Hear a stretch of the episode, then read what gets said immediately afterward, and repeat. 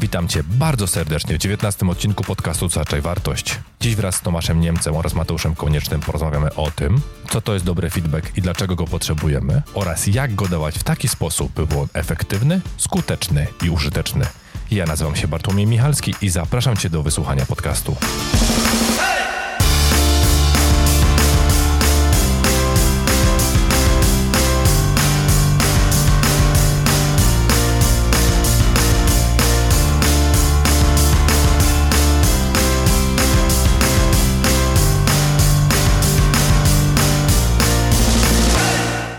dzisiejszym odcinku chciałem porozmawiać na temat feedbacku i na temat kultury i sensowności dawania feedbacku oraz budowania jakichś więzi, czy jakichś pomostów, czy procesów na bazie właśnie dawania informacji zwrotnej innym osobom. I zaprosiłem do dzisiejszego odcinka dwie osoby, które moim zdaniem najlepiej się nadają do tego, żeby o tym wszystkim porozmawiać, czyli Tomka Niemca, lidera, który wielokrotnie spędzał dużo czasu na przekazywaniu informacji zwrotnej swoim pracownikom, który nie ma problemu z przekazywaniem tej informacji zwrotnej mi, kiedy popełnię błędy i w jakimś stopniu to sprawia, że faktycznie jestem w stanie coś skorygować, coś zrozumieć. A drugą osobą jest Mateusz Konieczny, zwany też Koniem, którym kilka razy już miałem bardzo ciekawe rozmowy na temat sensowności feedbacku w odniesieniu do własnej osoby, czy też dodawania innym osobom tej informacji. Dzisiaj porozmawiamy o kilku rzeczach, dlatego że troszeczkę nadaliśmy strukturę temu odcinkowi.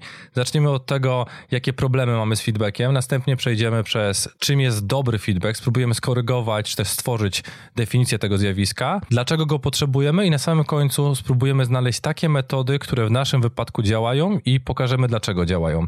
Więc jeszcze raz witam Was bardzo serdecznie w dzisiejszym odcinku. Siema, siema. Siemanko. No i możemy zacząć do sekcji naszego feedbacku. Czyli zacznijmy od tego, jakie wy spotkaliście, czy zaobserwowaliście problemy związane właśnie z feedbackiem. Problemy, jakie zauważyłem z feedbackiem.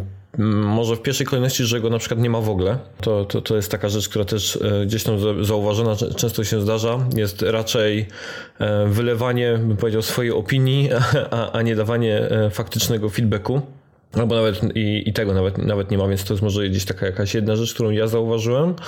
Z mojej strony jeszcze co do, dorzucę, to o, to może być ciekawe i ciekawe, czy gdzieś jeszcze zahaczymy o ten temat. Bezpośrednie połączenie feedbacku z finansami. Pomysłem, bym powiedział, problematycznym, który powoduje dużo problemów, bardzo często stosowanym i też wydaje mi się wartym gdzieś tam przedyskutowania. No i sama może... Um, negat- e, nie chciałem powiedzieć negatywa, ale niewłaściwe budowanie feedbacku, e, czyli, czyli skupianie się na, na, na nie tych rzeczach, nie, nie adresowanie tych części, które tak naprawdę są ważne w feedbacku. O, i może ostatnia rzecz, którą gdzieś tam zawsze staram się bić na alarm. E, używanie stwierdzenia negatywny feedback. To jest coś, co akurat mi gdzieś tam chodzi po głowie i może się wydawać pierdołom, ale ja gdzieś od jakiegoś dłuższego czasu, chociaż sam czasem łapię się na tym, że nadal to stosuję, używam tego, tego stwierdzenia, że feedback jest e, negatywny i pozytywny. Natomiast staram się gdzieś zawsze uzmysławiać i ludziom, a na pewno od, od jakiegoś czasu, że feedback jest zawsze pozytywny może składać się z pochwał albo z krytyki, natomiast feedback dobrze zbudowany jest zawsze pozytywny, bo albo nas uzmysławia, że kierunek, w którym idziemy i to, co robimy jest właściwe i powinniśmy albo to utrzymać, albo pomyśleć nad wzmocnieniem czegoś, lub obrany przez nas gdzieś tam kierunek jest niewłaściwy i możemy coś zmienić. Więc zawsze powoduje on zmianę, feedback taki poprawnie, poprawnie wyprowadzony, więc on jest zawsze pozytywny. Czasem tylko po prostu krytyczny, a czasem budowany z pochwał. I to tyle ode mnie. No to myślę, że dzisiaj porozmawiałem trochę właśnie o tym negatywnym feedbacku, czy tak jak słusznie ująłeś o pozytywnym feedbacku, bo wydaje mi się, że dużo ludzi czasami odbiera feedback niestety negatywnie. Myślą, że to jest jakby atak wymierzony w ich stronę, podczas gdy my tak naprawdę chcemy po prostu lepiej. Drugą rzeczą, którą e, zauważyłem dość wielokrotnie, to jest e, takie dawanie feedbacku na siłę. Wydaje mi się, że to dość często pojawia się przy okazji na przykład feedbacków kwartalnych. Niestety również przy okazji tego ludzie bardzo często łączą feedback e, właśnie z finansami, z, z wypłatą. I taka trzecia rzecz, że dla mnie jakby idealną sytuacją jest, kiedy na przykład w zespole feedback e, nie jest wymuszony, tylko zespół po prostu członkowie zespołu sami widzą, kiedy ten feedback dawać. Jeżeli są jakieś problemy, to po prostu nie czekają na retro albo feedbacki kwartalne albo jeszcze jakieś inne eventy, tylko po prostu starają się pójść do osoby, przekazać to, co widzą, swoją opinię, ewentualnie nawiązać dyskusję, poszukać jakichś problemu, poszukać jakichś rozwiązań i ogólnie coś z tego wyciągnąć. I wydaje mi się, że to niestety zespoły bardzo często jakby to, nie chcę nazwać, że ignorują, ale niestety tego nie robią. To tak trochę abstrahując, bo właśnie wyciągając informacje z tego, co powiedzieliście, to na tej samej, bym powiedział, wadze, czy tej szalce, powiesiłbym nie tylko brak, ale też zły feedback. Bo często spotykałem się z takim czymś, że w ramach rozmowy feedbackowej, która jest periodyczna, raz na 3 miesiące, raz na 6 miesięcy, ktoś mi daje feedback, że 3 lata temu zachowałem się w taki i taki sposób. Oczywiście teraz przesadzam, że 3 lata temu, ale jak dostaję właśnie informację, że zachowałeś się, nie podobało mi się twoje zachowanie, no spoko, jestem w stanie się zgodzić z tym, że mogłem się źle zachować, ale że nie jestem w stanie w pamięci znaleźć te informacje, a strasznie trudno, bo może być ich wiele, a poza tym, tak jak powiedzieliście, feedback czasami jest bardzo, bym powiedział, e, subiektywny, czyli coś, co dla mnie jest problemem, dla kogoś innego nie jest. I bez tej informacji takiej dodatkowej, czyli co widziałeś źle, co, na co wpłynąłem, co zrobiłem, czy cokolwiek innego, no po prostu dostaję informację i mówię, mhm, nic z tym nie zrobię, nic sobie nie poprawię, po prostu spotkaliśmy się na pół godziny, dostałem informacje, które nie są dla mnie ani konkretne, ani w żadnym stopniu obiektywne, czasami są nasiąknięte jakimiś emocjami, a na pewno nie są, bym powiedział, nie mają informacji, która jest dla mnie użyteczna, bym cokolwiek poprawił i bym cokolwiek w tym momencie mógł zmodyfikować.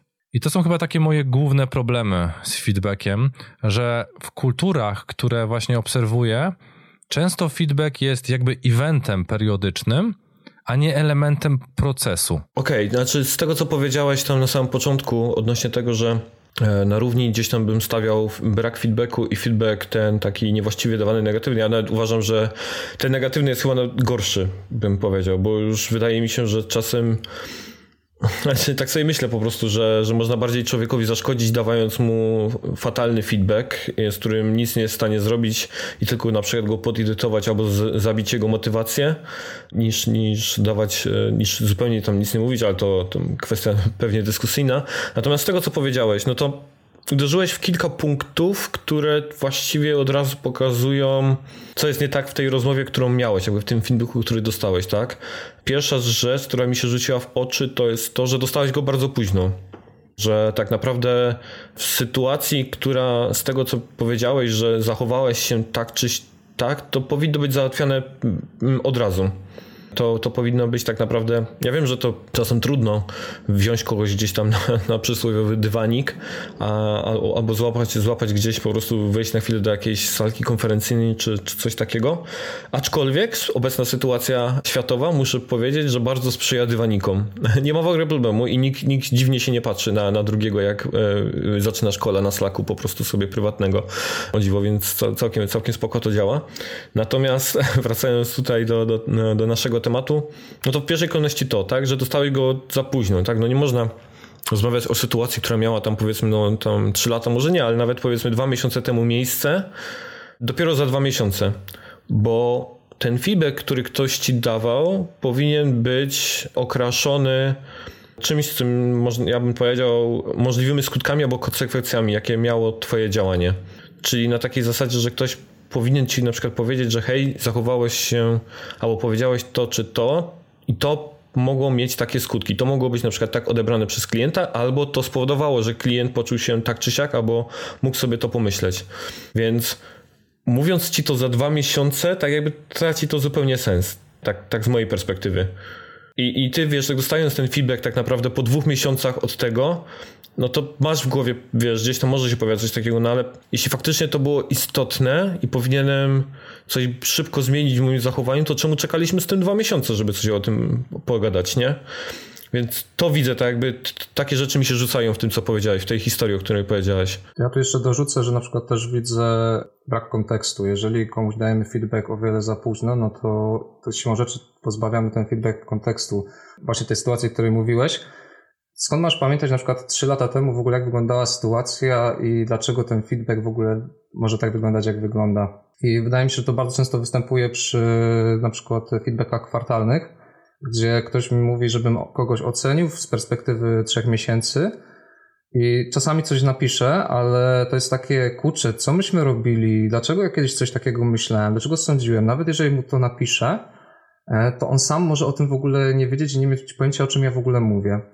I to też jest jedna z takich rzeczy, która wydaje mi się raczej nie powinniśmy zwlekać z feedbackiem, powinniśmy go możliwie jak najszybciej udzielać. Powiem wam tak, bo dlaczego o tym nawiązuję? Dlatego, że mam przygotowaną kontrinformację, czy też kontrzachowanie, które pokazuje, co jest dla mnie dobrym feedbackiem, takim, którym mogę się odnieść, taki, które w sumie też cenię i takie zachowania są dla mnie bardzo szczególnie wartościowe.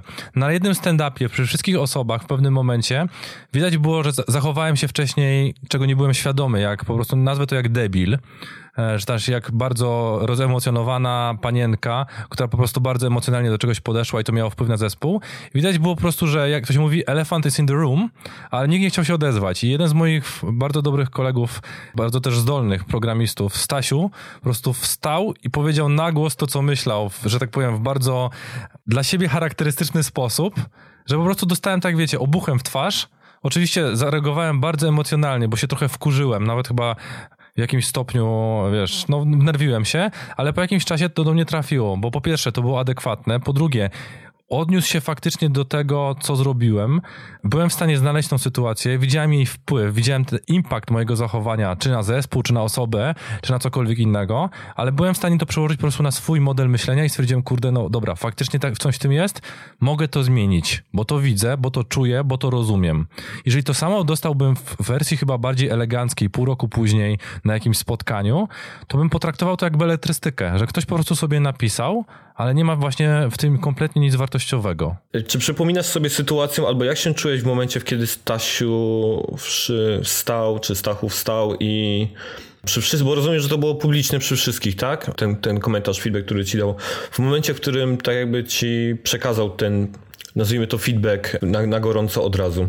Przypominasz sobie tą sytuację? Trochę się poczułem wkurzony, że wiesz, że ktoś coś i tak dalej, nie do końca to rozumiałem, ale to skoro zachowałem się wcześniej emocjonalnie, to jeszcze byłem w tym fazie takiej emocjonalnego, wiesz, podchodzenia do wszystkiego, ale byłem w stanie bardzo szybko się przełączyć, bo praktycznie tego samego dnia, wiesz, skumałem, co się dzieje, skumałem, w czym jest problem, byłem w stanie się do tego wszystkiego odnieść. Moje ego troszeczkę, wiesz, spompowało się, bo to jednak na to była taka reakcja, bym powiedział, na, na napompowane ego. Byłem w stanie powiedzieć, przyznać się do własnego błędu i coś z tym zrobić, nie? Wypracować. Wypracować jakieś rozwiązanie, bo znowu to chyba jest bardzo fajne anglosaskie takie stwierdzenie, że feedback is a gift.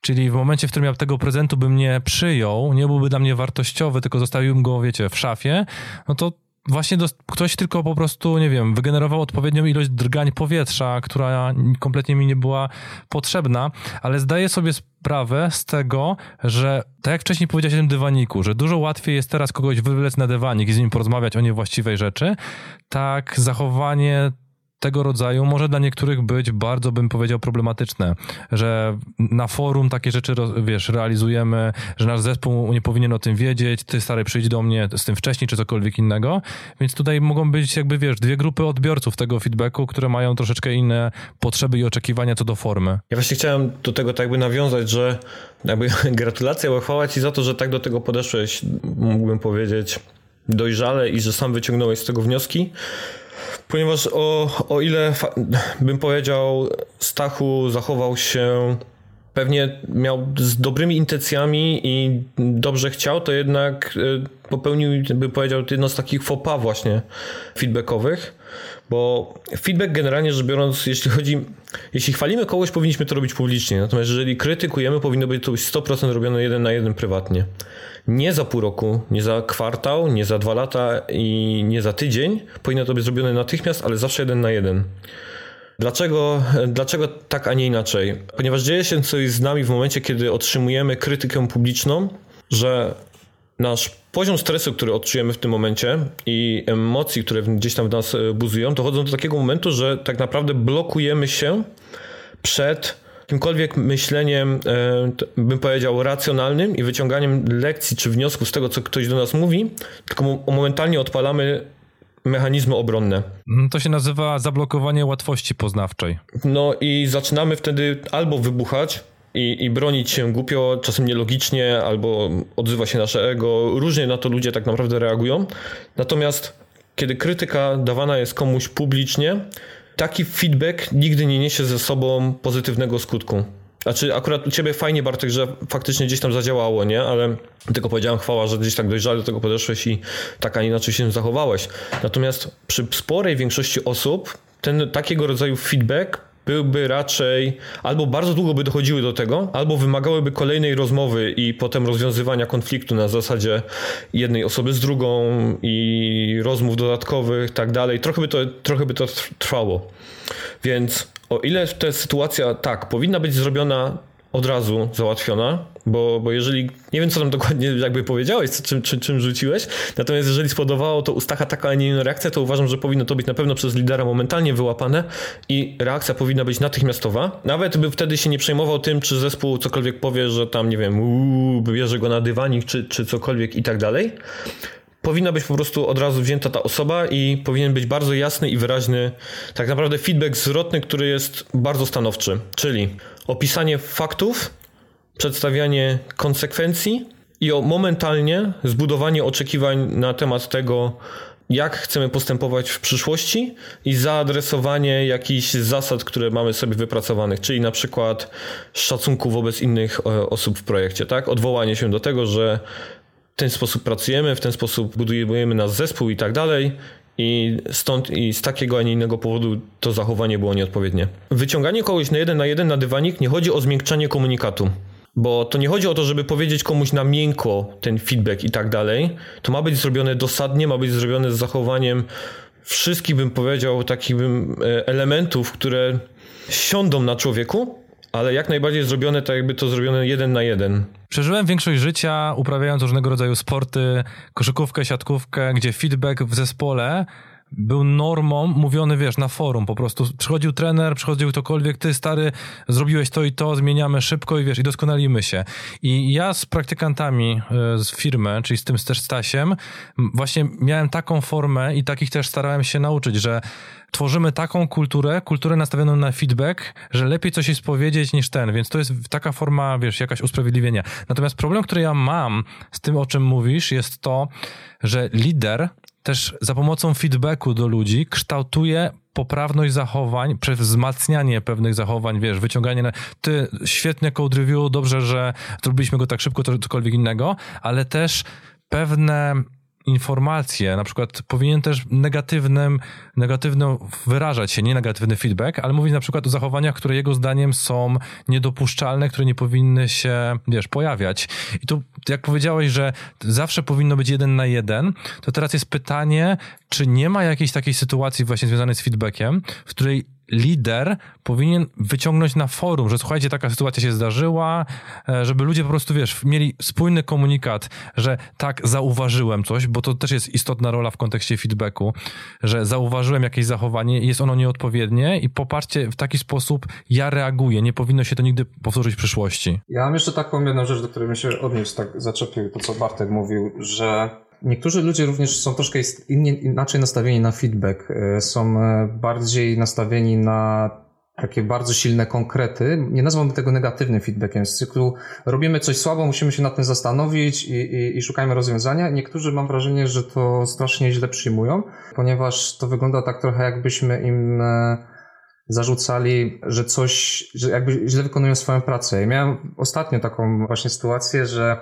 zrobiłem feedback na, na retro wydałem opinię, która spowodowana była tym, że mieliśmy słabą relację z klientem i bardzo kiepsko przebiegała u nas analiza biznesowa, co się później przekładało na development. I po prostu opisałem właśnie, że bardzo kiepsko ten cały proces przechodzi i tak dalej. Miałem wrażenie, że osoby, które były za to odpowiedzialne, w jakimś stopniu bardzo negatywnie to odebrały, że to jest jakby atak wymierzony w ich stronę, podczas gdy moją intencją było bardziej na zasadzie tu jest problem, weźmy się zastanówmy, jak to inaczej rozwiązać. Później niestety musiałem to odkręcać i właśnie mam, mam taki problem na zasadzie, jak dawać feedback, który triggeruje do działania. Ja nie lubię dawać, po prostu sypać dosłownie takimi cukierkami, że wszystko jest fajnie i tak dalej, tylko ja lubię sypać konkrety. Kurczę, tu, tu, tu coś nie działa, zastanówmy się, jak to możemy zrobić lepiej i w jaki sposób jakby to przekazywać ludziom. To, co mówisz Mateusz, to To jest trochę nieuniknione, bo tacy są gdzieś tam ludzie, że wiesz, jak powiesz coś gdzieś tam w ich garduszku, to, to mogą to gdzieś tam odebrać tak czy inaczej. Dlatego feedback nigdy nie jest prostą sprawą, nie? To trzeba, trzeba sobie powiedzieć, że, że to nie jest nigdy bardzo, to nie jest łatwe, czy to zawsze wiąże się z emocjami. może, może tak powiem, nie? Tego, tego nie da się zrobić, szczególnie między osobami, które na przykład nie pracują długo ze sobą, które nie, nie, nie zbudowały gdzieś wspólnego, bym powiedział, jakiegoś efektywnego, samoorganizującego się zespołu i tak dalej, tylko tak jak gdzieś tam prawdopodobnie w naszej branży często to jest, po prostu spotkaliśmy się bo w projekcie albo, albo z klientem, którym aktualnie pracujemy i tak dalej. I to są trochę sytuacje e, nie, nieuniknione. No tutaj też jest duża rola wtedy lidera, żeby gdzieś tam kierować potem nam całą rozmową, że hej, okej, okay, dobra, ktoś dał karteczkę z opisaną e, słaby tam, powiedzmy, że gdzieś tam opis zadań, które mamy robić. I żeby po prostu skierować tą rozmowę, ok, faktycznie tutaj ten, ten element procesu nie działa, zastanówmy się czemu. Wyciągać potem informacje z zespołu, co my rozumiemy przez źle przygotowane do developmentu, brak tego albo niezrozumiałe to i, i tak dalej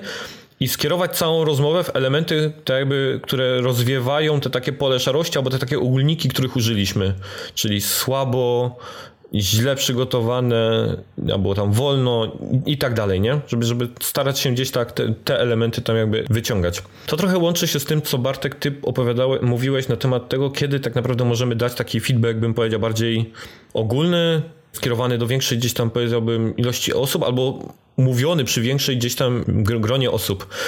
No znowu to jest wtedy tak jakby budowanie feedbacku takie trochę, bym powiedział, w stronę całego zespołu.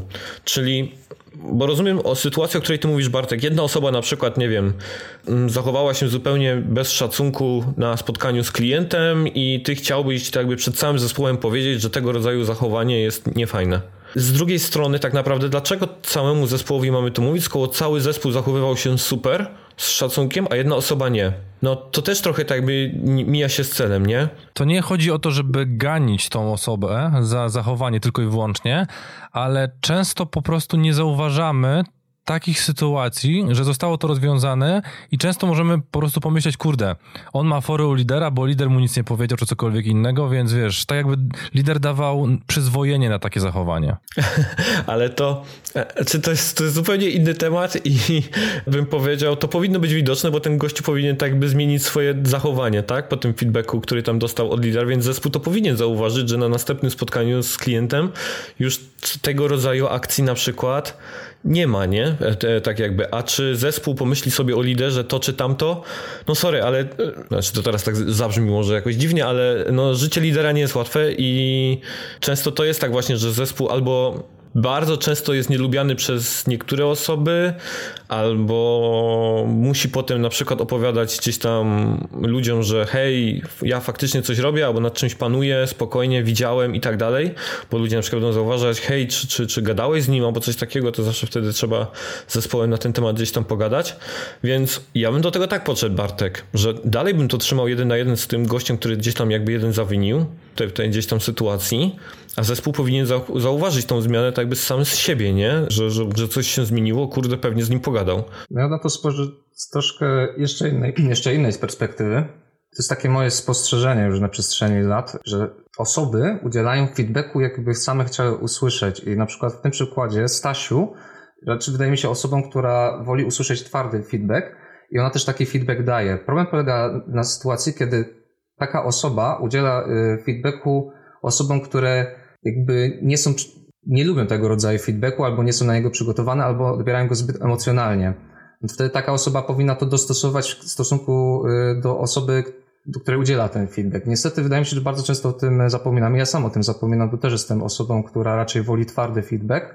To, co bym tak jakby ujął całościowo tej sytuacji, to to, że musimy bardzo pamiętać o tym, komu, tego, komu ten feedback udzielamy i odpowiednio ten feedback do, do tej osoby skierować że jeżeli ona odbiera feedback emocjonalnie, albo jednak lepiej odbiera, nie chcę mówić, że lepiej odbiera pozytywny feedback, w sensie chwalenie czy coś, ale lepiej to do niej przemawia, niż feedback taki, nazwijmy w cudzysłowie, negatywny, z cyklu, kurczę, zrobiłeś to źle, zrób, możesz robić inaczej, lepiej rzeczy lub inaczej, to musimy pamiętać, do kogo to kierujemy i właśnie w taką stronę kierować feedback albo bardziej pozytywną, albo nieco, nieco, nieco używać tego słowa negatywne. Ja akurat też za, za bardzo nie przepadam, ale taki bardziej twarde jako nazwę. Fajnie, że o tym powiedziałeś, bo to też jest kolejną cechą takiego jakby mm, mm, tego feedbacku prawidłowego, którego gdzieś tam dajemy. On powinien być od, odpowiednio dopasowany do osoby, z którą rozmawiamy.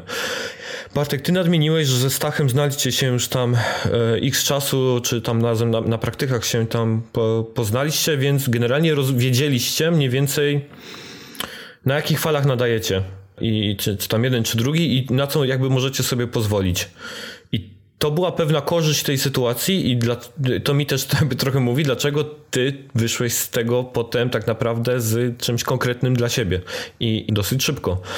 Mam taki scenariusz w głowie, że gdyby to była zupełnie osoba ci obca, której nie znasz i zachowała się w dokładnie taki sam sposób, mogłoby to trwać trochę dłużej albo tak jakby doprowadzić do gdzieś innych wniosków po twojej stronie. Natomiast chciałbym podkreślić, że to, co Mateusz powiedział, jest niezwykle ważne. Bo wyobraźcie sobie sytuację, że mamy feedback z gościem, nie chciałbym tutaj generalizować, ale powiedzmy, że który ma trochę krwi włoskiej w sobie, więc lubi sobie po prostu wstać, nie wiem, nawet potupać nogą, pokrzyczeć na feedbacku, tak, podnieść głos i tak dalej, a my próbujemy złożyć ręce razem po prostu w takim splocie typowo lekarskim, nie? I, i powoli mu tłumaczyć tak naprawdę, co zrobił i, i tak dalej my rozmawiając z drugą osobą musimy trochę dostrajać swoje fale do tej osoby, z którą rozmawiamy. I to zarówno chodzi o tą taką twardość, o której to Mateusz mówił, czyli czy dostosowywać się do osoby twardej, tak samo dostosowywać się do osoby, która generalnie bardzo trudno gdzieś odbiera feedback i bierze dużo do siebie i, i tak dalej. Kolejny raz to nie jest łatwe. Pewnie pierwszą rozmowę się zepsuje, zanim się człowiek dostroi e, z drugim, e, gdzieś tam z, z kolejnymi feedback, feedbackami.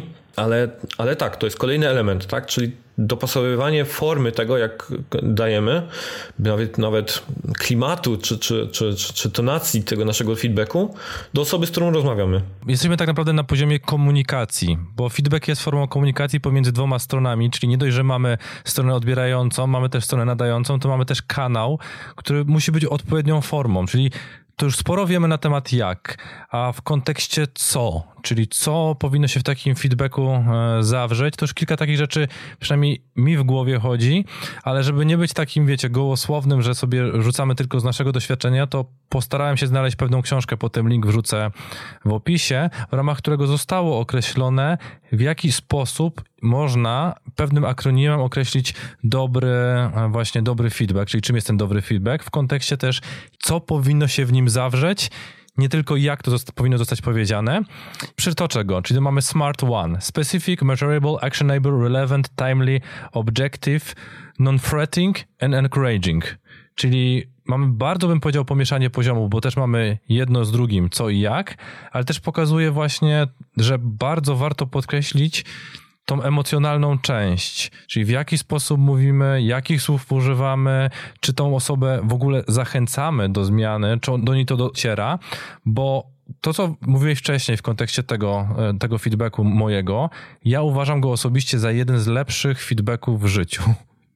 Wbrew pozorom to, to dzisiaj tutaj powiedzieliśmy, dlatego że praktycznie spełnił większość z tych rzeczy, które została tutaj opisana, trafił do mnie momentalnie, trafił szybko i był skuteczny. A to ma być tak naprawdę chyba podstawową, że dobry feedback to jest skuteczny feedback, czyli taki, który zadziała, taki, który spowoduje, że albo coś zostanie wzmocnione, albo coś zostanie osłabione. No tak jakby tej, albo utrzymane.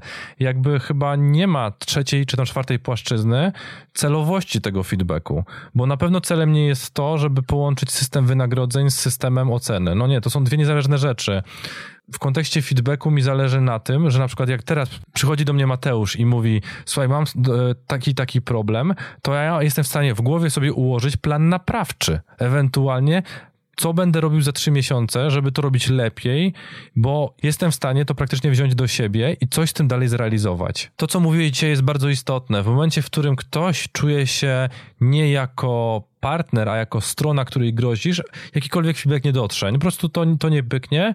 Znaczy ja znałem po prostu trochę e, inny akronym akurat, tam FUKOS. Fakty, uczucia, konsekwencje, oczekiwania, e, zasady. Ja trochę od nim tak jakby użyłem go przy okazji opowiadania o tym feedbacku, który tak jakby ty dostałeś, tak jak ja, jak ja bym widział ten feedback tak jakby jeden na jeden e, oddany, czyli odwołanie się do faktów, do tego wszystkiego, tak jakby co, co się zaciało, to przytoczenie tego.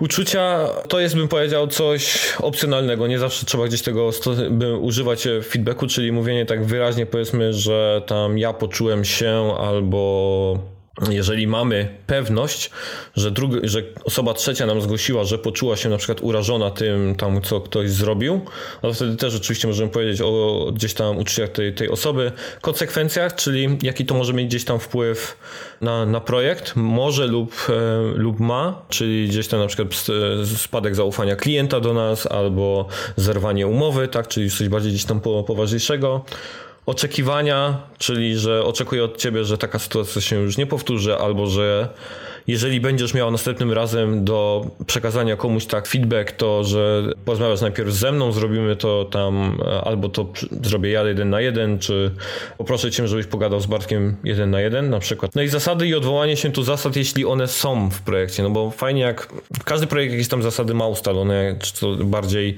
bardziej płynne, czy mniejsze, ale chociażby taką główną zasadą jest na przykład szacunek wobec, wo, wobec siebie i do tego można się gdzieś tam odwołać. No jeżeli tych zasad gdzieś tam w zespole mamy ustawiony, ustawionych więcej, no to oczywiście tutaj się możemy gdzieś do tego odwołać.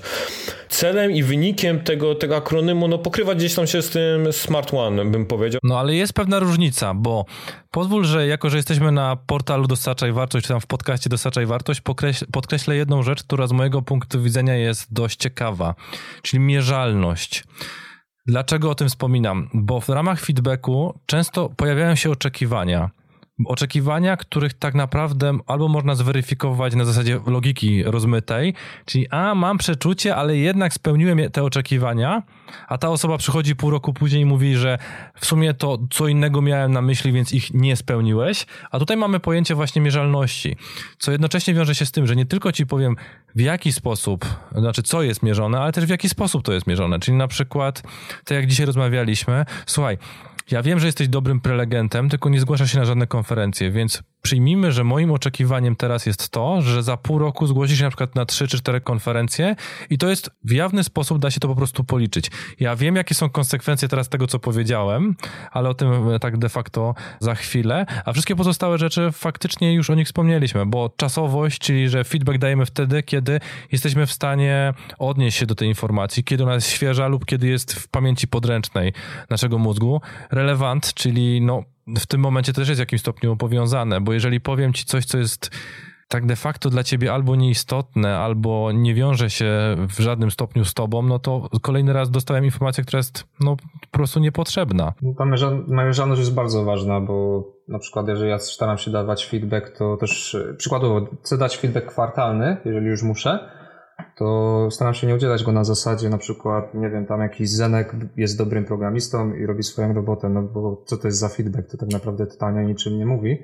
Staram się z reguły odnieść do sytuacji, która była trzy miesiące wcześniej, na przykład potrafił to, to i to, a teraz umie więcej, umie robić to lepiej, robi to dwa razy szybciej i to jest feedback, który zdecydowanie daje więcej informacji, jakby pokazuje, czym ta dana osoba jest obecnie jakby lepsza, jak, jak to pokazałem za pomocą, nazwijmy to metryki. A danie feedbacku na zasadzie jest spoko, robisz to, fajnie, to tak właściwie nie wiadomo po co. To jest takie totalnie bezużyteczne.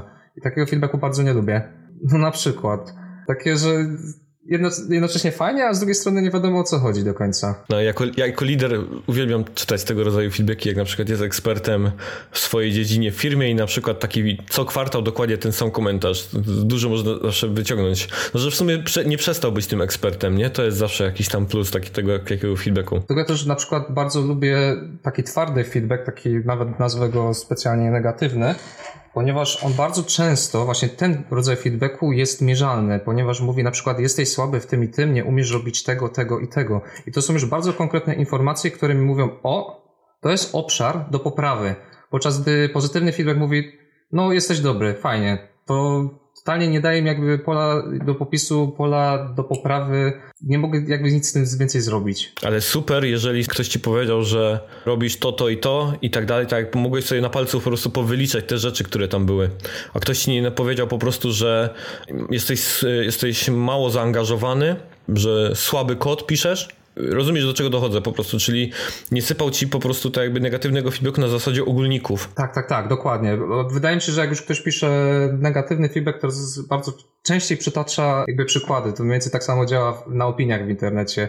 Pozytywnych feedbacków jest mało i zazwyczaj się ograniczają do jednego, dwóch słów, a te negatywne to czasami jest wielka jedna lista konkretnych rzeczy. No ale to nie jest często tak, że bardziej się czepiamy tych negatywnych rzeczy, bo je jakoś łatwiej zapamiętaliśmy, bo w jakimś stopniu nas dotknęły, a przecież oczywiste jest to, że no kurde, jest ekspertem Angulara, to pewnie wszyscy mu napiszą, to ja już nie muszę. No tak, to, to, no to, to oczywiście zgadza się, nie?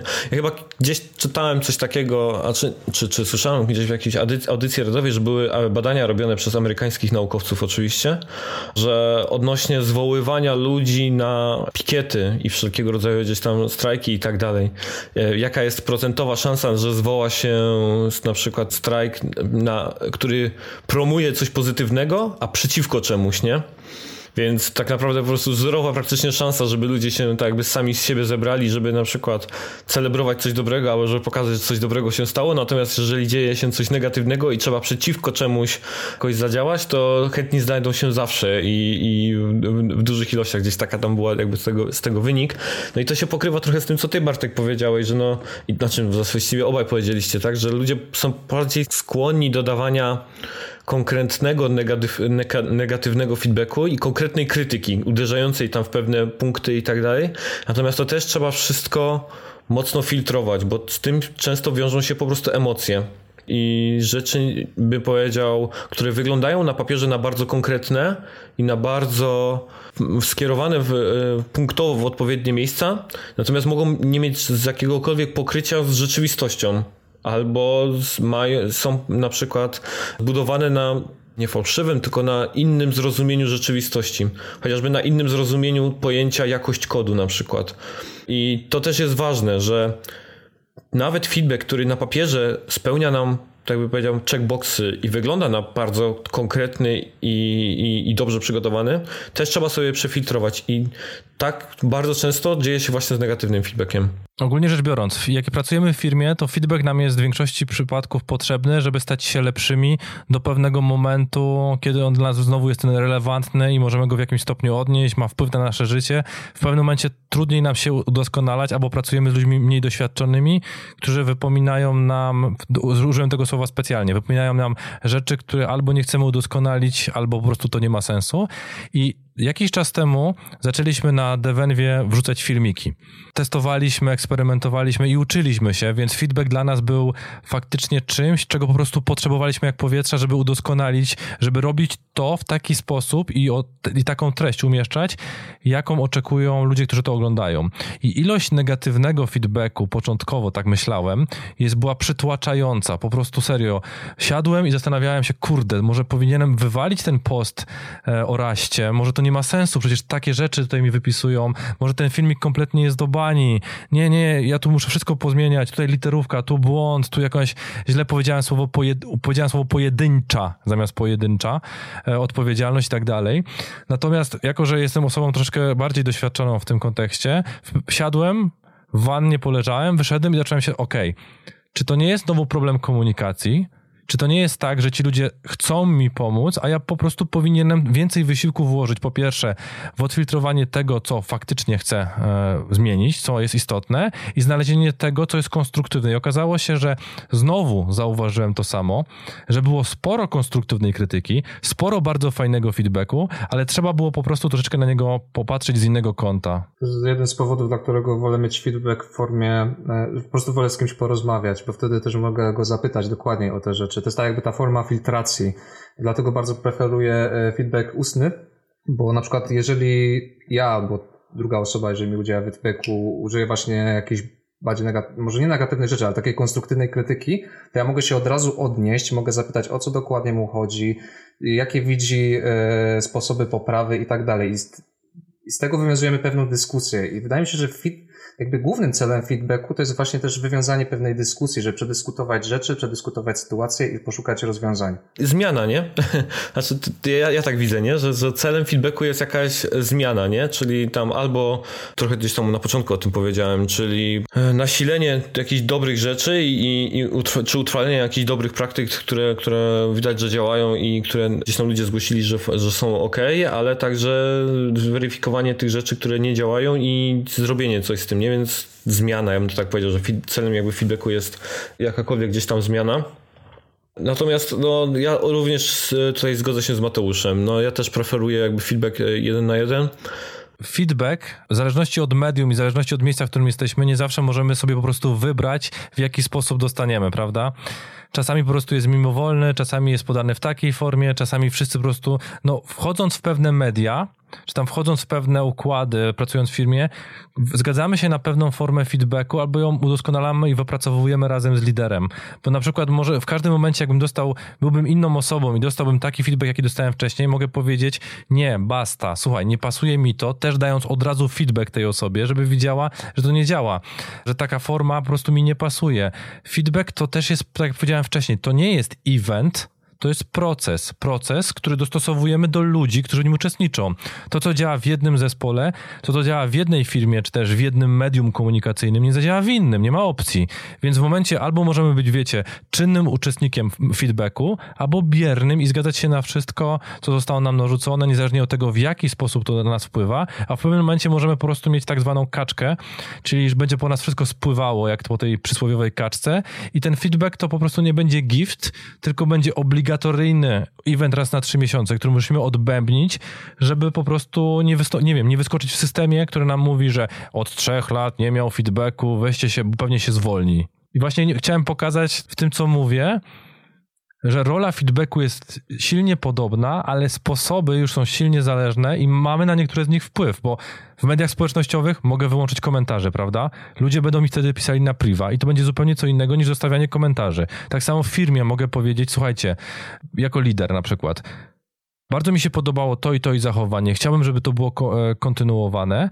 Na privie pogadać na przykład z, z Bartkiem czy z Tomkiem i powiedzieć, słuchajcie, to mi się kompletnie nie podoba. Musimy to zmienić. Za trzy miesiące w taki sposób zweryfikuję, czy to zostało zmienione, czy nie. A na forum wyjść i stworzyć te zasady, o których mówiłeś. Czyli słuchajcie, są pewne zasady, my je rozbudowujemy, albo się wszyscy na nie zgadzamy, jak na, na wiecie, na formę kontraktu, albo nie. I w tym momencie dając feedback, ja już mogę rozbudowywać tą bazę, mogę w momencie, kiedy się wszyscy zgodzili, odwoływać się do tych zasad i mam jakąś wypracowaną formę pisaną, do której, wiecie, która faktycznie istnieje. To jest wszystko proces, który my udoskonalamy i możemy albo skończyć na braku feedbacku, który też jest procesem, to też jest wybór, prawda? Ale możemy go stworzyć w takiej formie, żeby był po pierwsze skuteczny, po drugie jadalny, a po trzecie, no, żeby to był konstruktywny feedback dla wszystkich uczestników tego procesu. No tak, no feedback nie może tak jakby służyć, to powiedzieć, dwóm panom, nie? Z jednej strony to jakby e, zbudować na feedbacku narządko do systemu finansowego organizacji, i jednocześnie zbudować z niego konstruktywne narzędzie dla rozwoju ludzi w zespole. No, mi się to gryzie. Jest takie pojęcie, uwaga, użyję go, gamifikacja. W rozumieniu pierwotnym. Tworzymy w tym momencie system szczurowania. Microsoft kiedyś stworzył takie magiczne coś, w którym mówił, że 10 najgorszych pracowników oceniane w taki i taki sposób będzie zwalniane. To była forma feedbacku e, co miesiąc, czy tam co dwa miesiące, dostawali informacje i zwalniali po prostu ludzi. I to też wymusiło, że odpowiednie zachowania, na przykład pomaganie kolegom, czy odpowiednie zachowania typu dokupywanie kolegom, były odpowiednio nie tyle punktowane w tym rankingu w kontekście bezpośrednich punktów, co po prostu były widoczne, bo każdy walczył o swoją skórę. I tu jest takie stwierdzenie, które strasznie mi się podoba. Jeżeli chcemy takie rzeczy robić, na przykład połączyć te dwa systemy, to pamiętajmy o jednej takiej istotnej kwestii, że to, co oceniasz, będziesz dostawał. Okej, okay. znaczy no Bartek, teraz rozumiem generalnie o co ci chodzi. Tak, jasne, można, można połączyć o, o, oba światy, tylko trzeba potem liczyć się z tym, co się otrzymuje z tego. Okej. Okay. No tak, nie, w sensie wiesz, ja się z wami w 100% zgadzam. Moim, te rzeczy, które dzisiaj wytłumaczyliśmy, czy pokazaliśmy, to faktycznie jest kwintesencja dobrego feedbacku, ale warto pamiętać, jak się przygotowałem do tego programu dzisiejszego, tego odcinka, poszukałem najbardziej doskonałej maszyny, która obrazuje feedback i to był ten wzmacniacz operacyjny fajne, z tą pętlą zwrotną, z której praktycznie chyba się ta ideologia w mojej głowie po raz pierwszy pojawiła. Czyli, że jest pętla zwrotna, która nam mówi, w jaki sposób coś modyfikować na bazie jakichś doświadczeń przyszłych. I to też jest niedoskonałe. I jako, że my jesteśmy ludźmi, to też jest wpisane w tą naszą kulturę feedback, feedbacku pewna niedoskonałość. Czyli zarówno lider może coś spierniczyć, jak i ja mogę spierniczyć. Więc w momencie, w którym on mi daje feedback, ja też mam prawo dać mu feedback. To nie jest tylko jednostronna rzecz, więc możemy się w zamiar w jakimś stopniu doskonalić w tym, co robimy, w tym także w dawaniu feedbacku. Jest to jeden z powodów, dla którego uważam, że feedback powinien być dawany często. Mały feedback, ale częsty, ponieważ widzimy, jak go robimy, czy robimy go dobrze, czy źle, widzimy, jak ta osoba go odbiera i możemy go poprawiać przez co później po paru tygodniach nagle się okazuje, że my nawet już nie myślimy o tym feedbacku, tylko po prostu z tą osobą rozmawiamy. Znaczy powinien być dawany, bym powiedział, na bieżąco, nie? Bo to też nie chodzi o to, że wiesz, często, że teraz ktoś pomyśli, wiesz, że co piątek musimy sobie feedback dawać, nie? Tylko po prostu po, powinien być dawany w odpowiednim momencie, y, wiesz, wtedy, kiedy coś się dzieje bez zwlekania, nie? Chodzi mi o to, że nie czekamy jakiegoś tam czasu, powiedzmy tak, jak to właśnie trzy miesiące, czy ten, ten, tylko po prostu jeżeli jest potrzeba, to, to idziemy i rozmawiamy i tyle. Jedną rzeczą, którą też chciałem jakby ten, ten nadmienić i znaczy, co, co też jest uważam, że jest jakby częścią feedbacku, to wyrozumiałość. I to też generalnie rzecz biorąc jest też częścią e, rozmowy feedbackowej, bo my tutaj tak mówimy o o modelu feedbacku, o takim bardzo gdzieś tam twardym podejściu do niego i tak dalej, ale nawet powiedział w tej sytuacji, w której ty Bartek mówiłeś, e, sorry, rzuciłeś tym tak by przykładem z życia wziętego, więc teraz po prostu uderzamy w ten case po prostu jak wiesz, w dzwon tak naprawdę. No oby tego Stasiu nie słuchał, bo mnie zabije, nie? no, dokładnie. Więc generalnie w tej sytuacji, której opisałeś, to ja bym też na pewno, jak e, rozmawiając na przykład z tobą, jakbym był liderem, chciałbym też powiedzieć na przykład skąd ci się wzięło tak czy inaczej jakby twoje zachowanie, nie?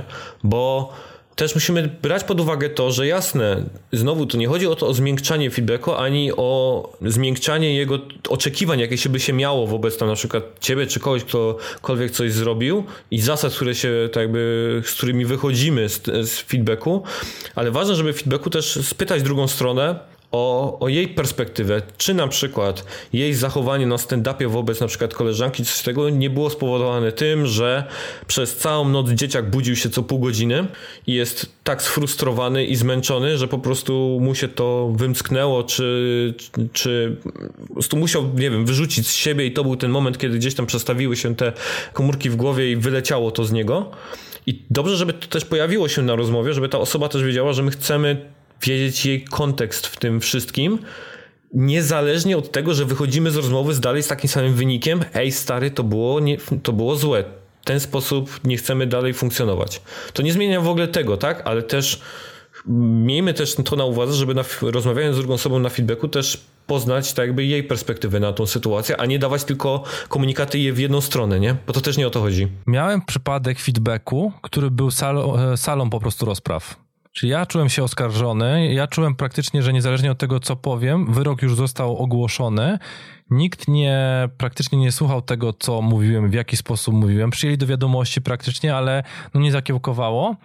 I widziałem, że po stronie drugiej, pomimo tego, że wiesz, ja dalej uważam, że odpowiedzialność za całą sytuację jest po mojej stronie i to ja powinienem się bić w pierś i się biłem w pierś, to wsparcie dla takiej drugiej strony, która, no nie powiem, że nie była bez winy, bo bym w tym momencie po prostu skłamał albo nic nie powiedział, więc obie strony były winne, aczkolwiek no co z tego wynika? Że nie chciałbym, żeby kiedykolwiek osoba, która jest w ramach feedbacku, która wysłuchuje tej informacji, czuła się jak osoba oskarżona czegoś, bez prawa głosu, bez prawa mówienia, a osoba, która ten feedback udziela, no była w tym momencie w, roli prosekutora, czyli oskarżyciela, bo to praktycznie znowu nie ma jakiegokolwiek sensu, bo nie tyle, że ta osoba się zamknie, na jakikolwiek przyszły feedback, to jeszcze po prostu nie będzie czuła wsparcia w organizacji, żeby cokolwiek robić, żeby cokolwiek zmieniać, bo w jakimś stopniu to zostało nie tylko narzucone, ale to już wyrok zapadł i człowieku dostosuj się niezależnie od tego, co było po tej lewej stronie. Czyli to jest to, co mówiłeś, jest dla mnie tak bardzo istotne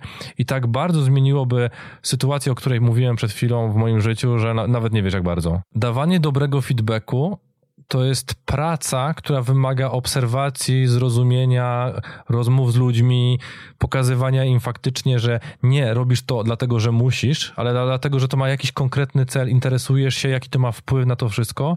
Więc to jest kompletna haruwa, którą równie dobrze można by wykonywać na cały etat. Przy zespołach, które mają 6-8 osób, to ja sobie nawet w taki sposób to wyobrażam. I to jest jedno z podstawowych narzędzi lidera, które przypisywane jest tylko jemu wiecie, jako obowiązek, że on to musi robić i tak dalej, a nie patrzymy na tą drugą stronę, czyli że żeby feedback działał, to do tańca trzeba dwojga. Ja akurat dobrze reaguję na to, co, co powiedziałeś, bo często mi tego brakuje, muszę powiedzieć. Mi jako liderowi to, żeby trochę dostać wsparcia od zespołu do dobrego feedbacku, bo jest to pewne pokłosie tego, że często feedback w organizacjach łączony jest bezpośrednio z wynagrodzeniem, co powoduje to, że, często, że też pojawiają się feedbacki takie, o których na przykład mówił Mateusz, czyli tak zwane laurkowe, tak? Czyli nadmiar pozytywne, nie będziemy koledze przeszkadzać i, i tak dalej. A to jest niezwykle trudne, bo ja mówię to z perspektywy lidera oso też osobiście, jeżeli się jest osobą, która zauważa jakieś zachowanie, bym powiedział, nieodpowiednie u jakiejś danej osoby, Natomiast jest ona gloryfikowana przesadnie przez zespół, bardzo trudno trafić z feedbackiem do, do tej osoby, żeby tak jakby mieć kom komplet tych wszystkich, jakbym powiedział, argumentów za tym, że ten feedback jest faktycznie stosowny. Bo pamiętajcie, że tam musimy mówić także o możliwych konsekwencjach, wpływie na przykład, wpływie chociażby osoby na, na zespół, na, na, na pracę zespołu, na postrzeganie klienta i tak dalej. I to są gdzieś tam takie rzeczy, które my z perspektywy lidera wiemy, że są na przykład nieodpowiednie i mogą powodować za x czasu takie, a nie inne jakby rzeczy ale bez wsparcia jakiegokolwiek gdzieś tam od zespołu, często go zamiatania pod dywan, bo potem na przykład na rozmowach jeden na jeden okazuje się, że ludzie faktycznie coś tam zauważają, ale nie chcą tego tak jakby mówić oficjalnie. No i jest też problematyczne. Nie wiem, czy dokładnie o to ci chodziło, Bartek, przy, jakby przy tańcu dwojga, czy, czy mówiłeś bardziej o tym, żeby druga strona też chciała jakby odebrać dobrze feedback? Znaczy ja zakładam właśnie, że obie strony muszą być gotowe na to, żeby po pierwsze dać feedback, przygotować się do tego i ten feedback wziąć i coś z nim zrobić. Bo to znowu, pamiętacie to stwierdzenie moje, e, które wziąłem po prostu ten cytat, że feedback is a gift.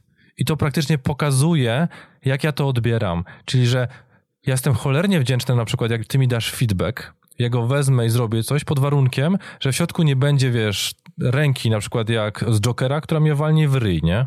Której się nie spodziewałem, której nie do końca rozumiem, bo najgorszy chyba jest taki feedback, którego się nie spodziewamy i nie wiemy skąd się wziął, nie? Taka po prostu kinder niespodzianka, nie wiadomo skąd. Tak, ale też pamiętajmy o tym, że nawet jeżeli przygotujemy najlepszy feedback, jaki jesteśmy w stanie, zaopiekujemy wszystkie możliwe jego aspekty, części i tak dalej, to może się okazać, że on po prostu nie trafi do drugiej osoby. Wiecie, bo to też tak może być, że po prostu druga osoba nie ma tyle pokory, albo nie jest tyle dojrzała w pewnych aspektach, że po prostu go nie przyjmie. Nie wiem, obrazi się, tupnie nogą, rzuci papierami i, i tak dalej. I to też może się zdarzyć i jest też zupełnie normalne, nie? Bo to też normalne. Oczywiście nie chcielibyśmy, żeby to tak występowało, ale zdarza się po prostu i też trudno z tym jakby coś zrobić, nie? No na przykład można w tym momencie drugi raz podejść do takiej osoby w innym momencie jej życia, bo powiedziałeś jej bardzo ciekawą rzecz, że za naszymi zachowaniami nie tylko kryje się to, że jesteśmy ludźmi, ale także, że coś mogło się zdarzyć, takiego, czego my nie widzimy, bo nie dzieje się na naszych oczach. I wtedy warto też zapytać, cześć, chciałbym z tobą porozmawiać. To jest odpowiedni moment na to, żeby przekazać ci feedback i możemy usłyszeć nie, na przykład, bo moja córka przez całą noc płakała i ja dzisiaj po prostu nie kontaktuję. Przyjdź za tydzień. To nie jest tak nic o nic wiesz, że jak ja mam ochotę dać ci feedback, to ta ochota jest też po drugiej stronie, nie? To jak jest takie też kolejne przysłowie, to największy jest ambaraz, żeby dwoje chciało naraz, więc też to warto wziąć pod uwagę, jak wiesz, jak rozmawiamy w kontekście feedbacku, że zawsze trzeba szukać odpowiedniej chwili, chociaż czasami po prostu ta odpowiednia chwila na niektóre rodzaje feedbacku może nigdy nie nastąpić, nie przyjść. Ogólnie celem takich e, feedbacków e, periodycznych, powiedzmy nawet tych kwartalnych, to w takim moim rozumieniu jest również to, żeby striggerować zespół, żeby w ogóle sobie ten feedback chociażby częściej dawał. Jednak jak widać, to czasami to różnie to działa.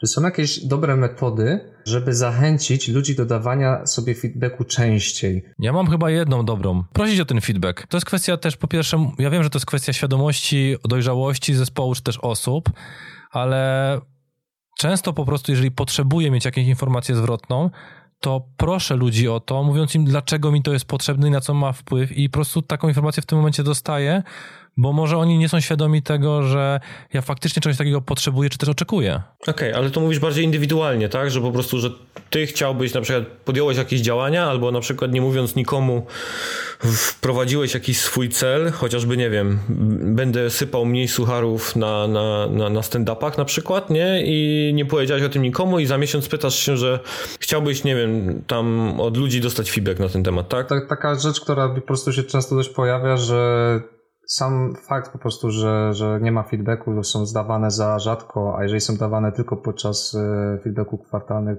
czyli zdecydowanie za rzadko, już sugeruje, że jest jakiś problem. I taki problem, który widzę, to jest właśnie ten problem komunikacji. To, co Bartek powiedział właśnie, żeby nawet zapytać się kogoś, żeby, żeby ta osoba udzieliła feedbacku, jest nawiązaniem tej komunikacji, żeby po prostu częściej jakby ludzie ze sobą rozmawiali, przekazywali swoje opinie, a wydaje mi się, że bardzo często ludzie właśnie tego nie robią. Jeszcze dodatkowe, ale takie pytanie o feedback jeszcze ma tak jakby dodatkowy cel za sobą i dodatkowy aspekt, który powoduje w zespole, buduje bezpieczeństwo w, w zespole czy w projekcie. Jeżeli na przykład ty jako senior developer albo lider na przykład, e, mówię o, o, każdym, ale teraz tak celowo używam na przykład gdzieś tam akurat osób, które gdzieś tam powiedzmy mają respekt czy szacunek w, zespole, wychodzisz tak jakby z taką postawą, bym powiedział nawet, wiesz, wrażliwą, w sensie hej, chciałbym od was dostać feedback na taki taki temat, bardzo jest to dla mnie ważne, pokazujesz, że jest to ok, że tego zachowanie jest ok, że, że tu, w tym miejscu, w którym jesteśmy, proszenie i dawanie sobie feedbacku jest jak najbardziej ok i chcemy to robić często, nie?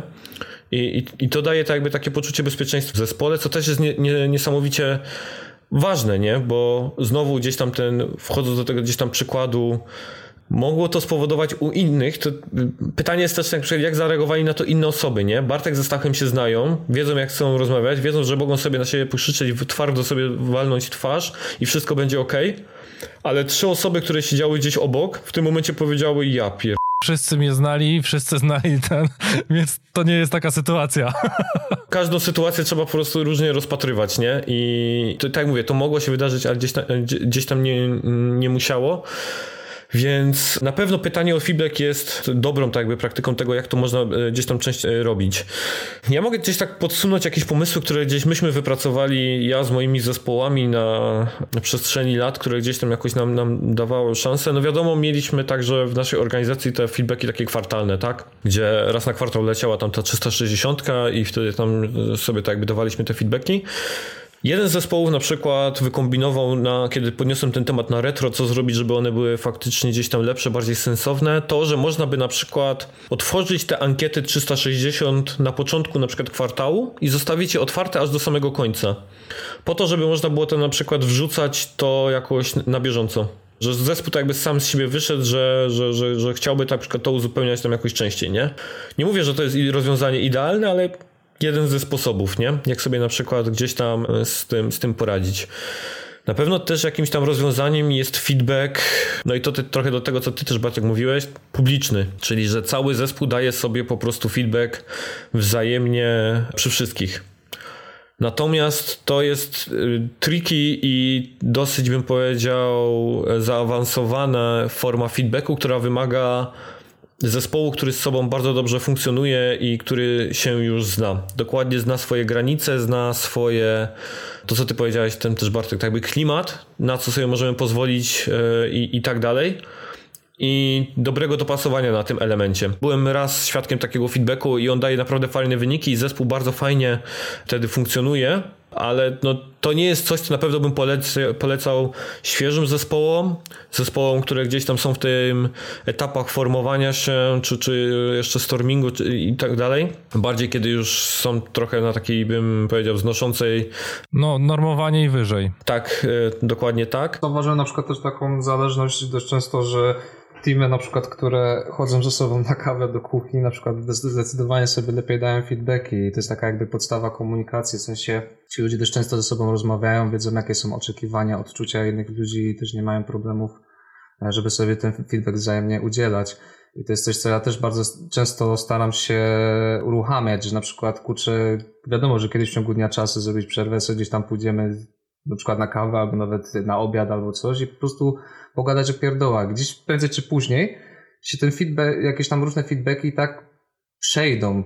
I z jednej strony jakby już czujemy tych ludzi i nie ma problemu, żeby to gdzieś to wpleść. I to się staje takie już naturalne, to nie jest takie wymuszone. Mhm. Tylko, że to potrzebuje czasu, nie? Tak, to, to jest takie naprawdę dobre uformowanie się już y, nawet nie tyle zespołu, co po prostu komunikacji między ludźmi. Ja mam taką śmiałą tezę, ale jeżeli nie żyjemy w kulturze kamieni, w których wiesz, ludzie są ugruntowani, każdy robi swoje, nie obchodzi nas, co robią inni, myślimy, że wszystko jest dobrze i w ogóle nic się nie da zmienić, to w każdej innej kulturze kiedyś ta potrzeba feedbacku wystąpi, albo na poziomie jednostki, albo na poziomie zespołu i to w ramach dojrzewania, jak ludzie zauważą skuteczność tego rodzaju feedbacku, jeżeli wystąpi, lub jaki to ma wpływ na ich pracę i na innych, no będzie bardzo, bym powiedział, zaskakujący, ale to musi wystąpić jako forma ewolucyjna.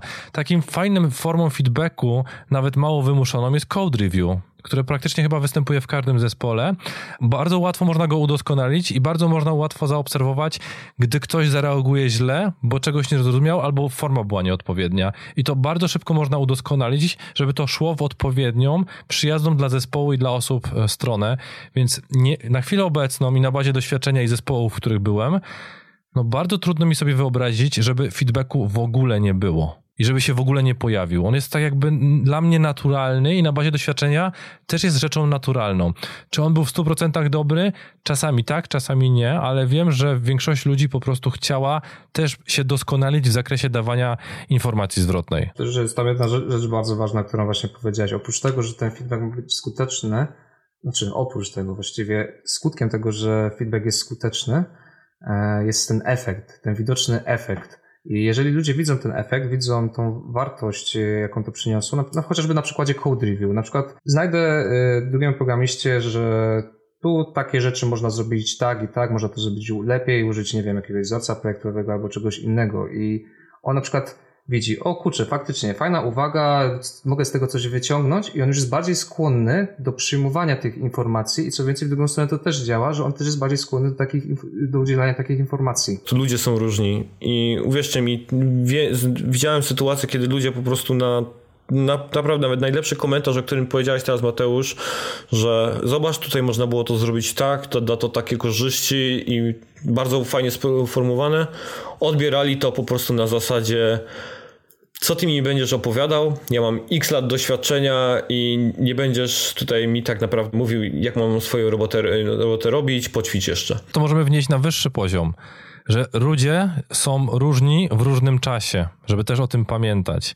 Ten sam feedback, który działał na, na przykład na konia pół roku temu, w chwili obecnej on może oczekiwać zupełnie innej formy informacji zwrotnej, więc ja bym się też nie przywiązywał, że jest jakiś jeden skuteczny, zawsze dopasowany do danej osoby sposób, tylko to jak mówiłem, to jest proces i duża praca ze strony każdej osoby, która chce ten gift, ten prezent komuś podarować, że to nie jest tak, że zapakuję cokolwiek, tylko muszę przemyśleć to wszystko i Holinder, no jak tak was słucham od godziny, czy tam od godziny 11, czyli w trakcie tego podcastu dochodzę do wniosku, że feedback jest dużo bardziej skomplikowanym narzędziem niż myślałem na początku tej rozmowy. Cieszę się.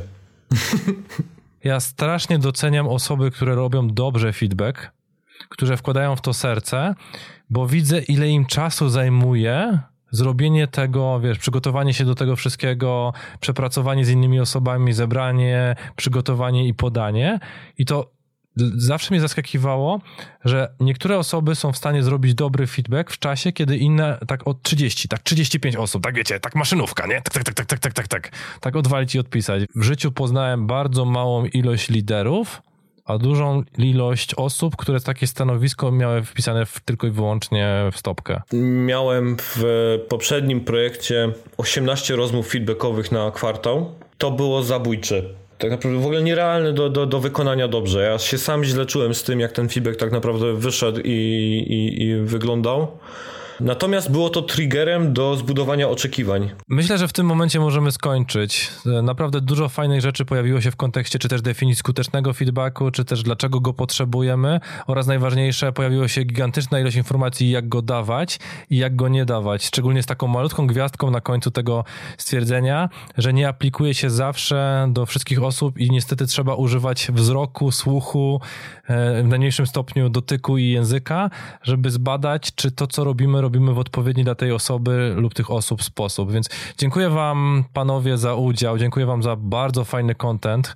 Tobie, słuchaczu, dziękuję za przesłuchanie tego odcinka, który trwa bardzo już długo, jak na nasze standardy, ale tak jak widać, czas jest niewspółmierny do praktycznie procesu i do wartości tego problemu, bo jest on dużo bardziej skomplikowany i dużo dłużej byśmy mogli o nim rozmawiać, ale mam nadzieję, że jest on wystarczający, żeby pokazać Ci, co można w tym zakresie zrobić. Więc jeszcze raz dziękuję Wam, panowie, i do usłyszenia w kolejnym odcinku. Cześć. Dzięki, na razie. I czekamy na feedback.